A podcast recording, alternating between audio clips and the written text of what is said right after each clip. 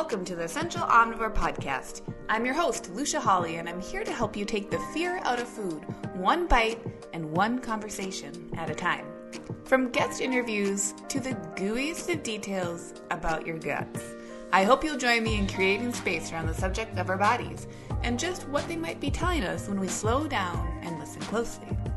Remember that the information provided within this podcast is for general information and educational purposes only and does not provide medical advice, professional diagnosis, opinion, treatment, or services to you or any other individual.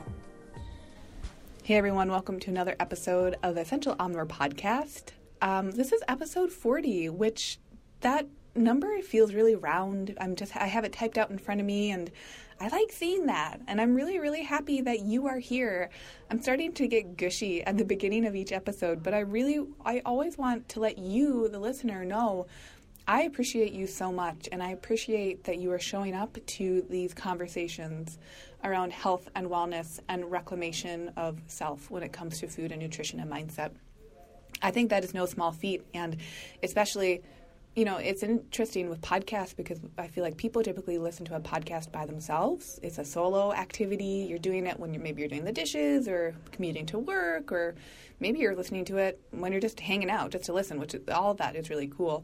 But I just want you to know, as a podcast listener, you are part of a community, and so you showing up to these messages is building a community that I think is just really, really powerful in and of itself. So thank you for being here, and I can't wait to talk about today's subject.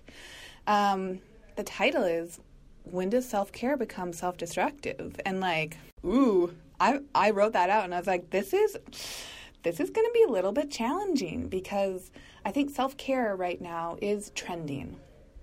It's trending because there there is some sort of cultural push for self care. Maybe it's because of the last two years and the greater uh, political climate. People are having to look um, elsewhere or turn in in order to get some level of care that maybe they feel like they aren't getting or that we as a society we are not getting as much currently.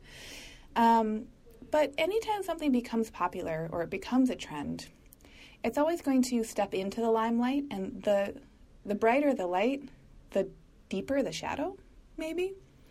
So self care, I think it's getting the term is getting a bit diluted, and I know that there are just a lot of people who really don't like the term, who feel oppressed when they hear it, who want to reject it because it sounds like one more thing to do, and that's actually the big focus of this episode. So, self care is a form, ideally, of intentional action that contributes positively to your life. Even if this contribution feels negative initially, it that reason might be because it is quite a different action than your normal go to style of living. Okay, so I want to make that clear that like self care. I think a lot of us think of a bubble bath, and then a lot of us think, like, well, a bubble bath isn't going to solve my financial burden, or it's not going to fix my life, or like, I don't even like bubble baths. Self care can be a reclamation of your ability to take care of yourself. And in that reclamation, it's also the reclamation of the fact that what you need in order to take care of yourself could be the exact opposite of what someone else needs, or it might be the thing that no one else understands except you. Okay, so in this episode, I'm going to just go through a few different questions that can help you check in with your self care practices and really just double check hey, are these truly and authentically taking care of me right now? Or are they actions or habits or activities that I'm engaging with that are either just stressing me the hell out or that I'm doing them for other people and not even for myself right now? None of that is bad, but if we want to continue to come back to a practice where we really are honoring our own needs, I think these are the questions that are just really important that we have to be asking ourselves. Okay? So, my first question is does your self care align with your core values? I want to list off what core values are and some very small example. Well, they're not going to be small examples, but a small handful of examples around what some core values could be. I personally didn't ever think about what a core value was until I went to school for social work. It's a, the field of social work is a field that has a set of core values, and I didn't even realize that those core values were so important to me, or that once I learned about them, felt really, really grounding. Right? It can when you have a set of core values, It's you're able to reflect on how you're navigating your life, how your life is feeling, how relationships are feeling, what your job feels like, what your days feel like, your weeks, your months, your intentions, and you can bring them back into a structure that is less controlling and more so it's like a check-in. It's like, hey, if what are my what what's the great what's the greater idea here behind all these different actions or uh, if I'm feeling really frazzled by the end of the day, is it because I felt out of alignment with my core values? But before we can ask that question, we have to ask what is a core value? So here are some common core values. These maybe one will resonate with you, maybe not. Any which way you slice it, I'm going to encourage you to sit down and journal and write out. See if you have some top five core values that come to mind. Free write for one to two minutes. It might just be right under the surface, and allowing yourself to journal could bring it to fruition really quickly. So, here are some different types of core values. Integrity, accountability, diligence, perseverance, having the core value of discipline or idealism, courage, feeling a core value of honesty or a lack of selfishness, self respect or respect for others, or maybe a core value of accountability. That's just the tiniest slice right there, but I think that does do a nice job of showing what the spectrum of core values could be. So go ahead and do that activity. Ask yourself do my self care habits, whatever they might be, align with my core values? And what are those core values? The next question is Is your self care geared towards you or other people? Now, a self care practice might involve other people. It might be a social practice. Caring for yourself could be going to go get dinner with your friends every Friday night. It could be calling a loved one once a week. It could be involving those other people. It could be working on your relationship. It could be any of that stuff. It could be stepping away, you know, whatever. You get the point. But at the end of the day, is your self care geared towards you, for you?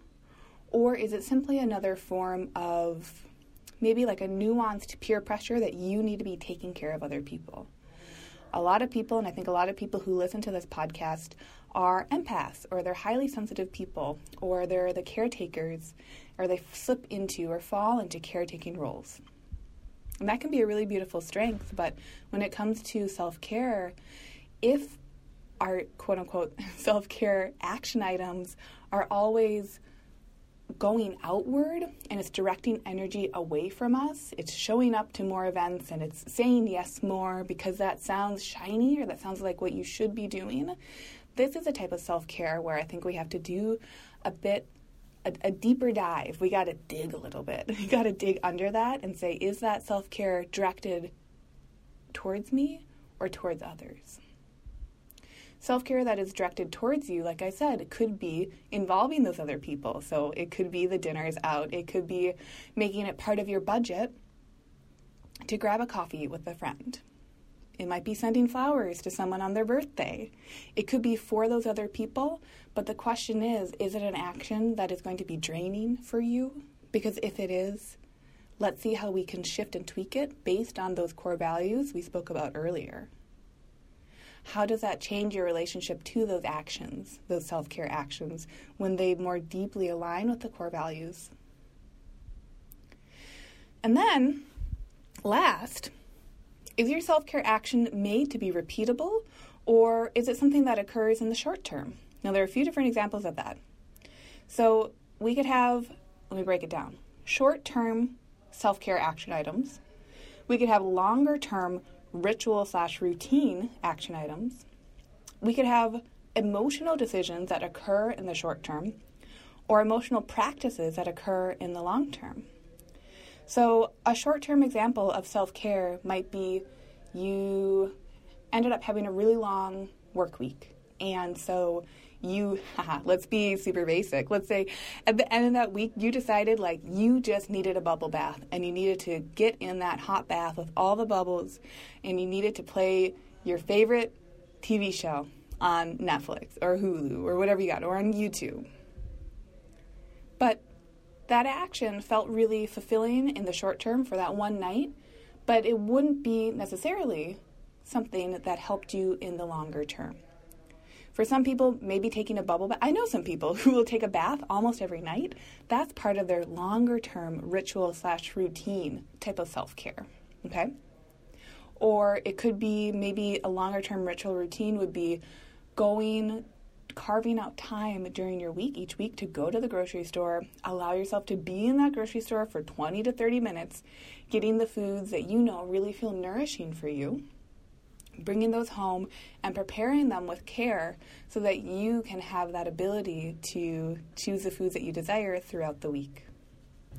That would be more of a type of longer term ritual and routine because you're trying to set it up into your week. Uh, usually, when people are doing that, I encourage them to actually get it on their calendar first. The next is going to an emotional decision in the short term. An emotional decision in the short term could be typically, I think these are really the more acute decisions. So it might be the recognition oh my gosh, wait, my self care is recognizing that I don't like my job. And it might not be, you know, quitting and leaving and flying to Bali, but it might be making a plan and executing that plan that would help me, and that plan might need to happen in the next week. Right? An emotional decision in the short term might be saying, Man, my week has been really stressful and overwhelming. I'm going to let my one friend who's been texting me a lot recently, I'm just going to let them know that I might not be around to engage in those text conversations, and that's a need of mine. That shorter term emotional decision usually this stuff starts to look like boundary setting. And if you listen to my episode all about boundaries, I'll link it in the show notes. I'm saying that as someone who had a really difficult time getting groovy with that term boundary setting. It felt like a big old wall. I didn't want to put walls up around anyone. might tie into my core values, but don't worry about it. I talk about it in the show, so go listen if you're interested in that.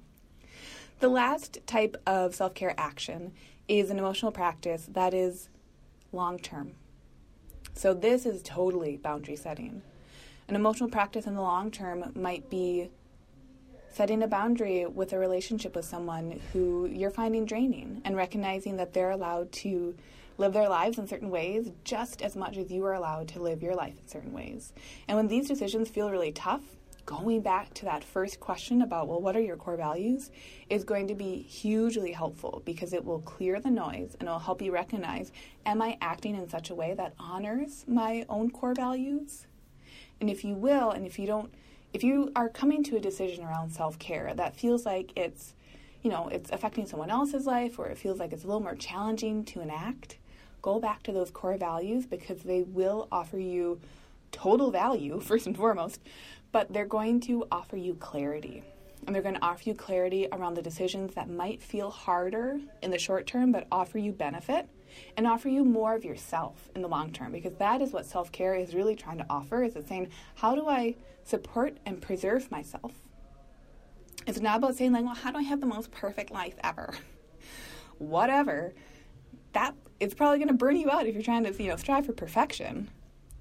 But if you're striving for well how do i continue to create a life that is a life that i want and a life that i desire it's likely going to come back to those core values. So, if that is my one piece of homework this week, it's journal out your beginning thoughts on core values. And you can always do do a quick Google search. You can search for core values or types of core values, and you'll get lists and um, of terms and just like sheets on sheets of different words.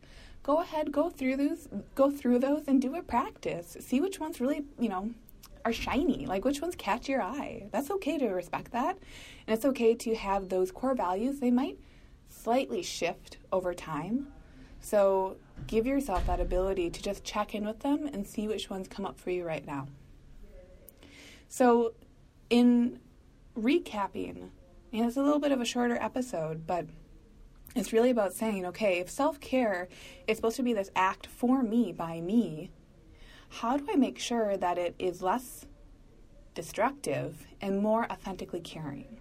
And the only way we can really identify what is authentically caring is getting comfortable with those core values, honoring the core values, and then honoring either the short term choices, the longer term rituals, or the short term emotional choices or the longer term emotional practices that support us in those efforts. all the while recognizing that these efforts do have to be for us and that, listen, that is not a selfish thing. It's like putting your oxygen mask on first. You do, you have every right, friend. You have every right to take care of yourself because the people who love you, they want you to stick around. And they want you to stick around and be the most of yourself that you can be. And that's not out of like a form of, oh my gosh, go do more, be more. It's really just saying, like, oh my gosh, how do you get to express yourself more fully in this world? Because we all have, I'm going to get big about it, we all have just one life. So why not? Why can't we show up to that life as fully as we desire? Not as how much other people desire, but as we desire. And if you're feeling conflicted or stressed out or overwhelmed by trying to make choices around that, go back to those core values and see what comes up. So I hope this episode is helpful. I hope it is going to spur some interest and some thoughts. If you want to share your core values with me, you can always find me over on Instagram, really active there, at Essential Omnivore. Hit me up in the comments on my blog.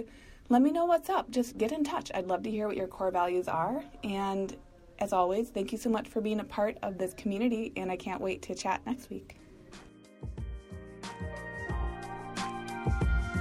Hey, thanks so much for joining along on today's episode. For full archives of past episodes, hop on over to essentialomnivore.com or subscribe to the Essential Omnivore podcast on Apple Podcasts or Stitcher.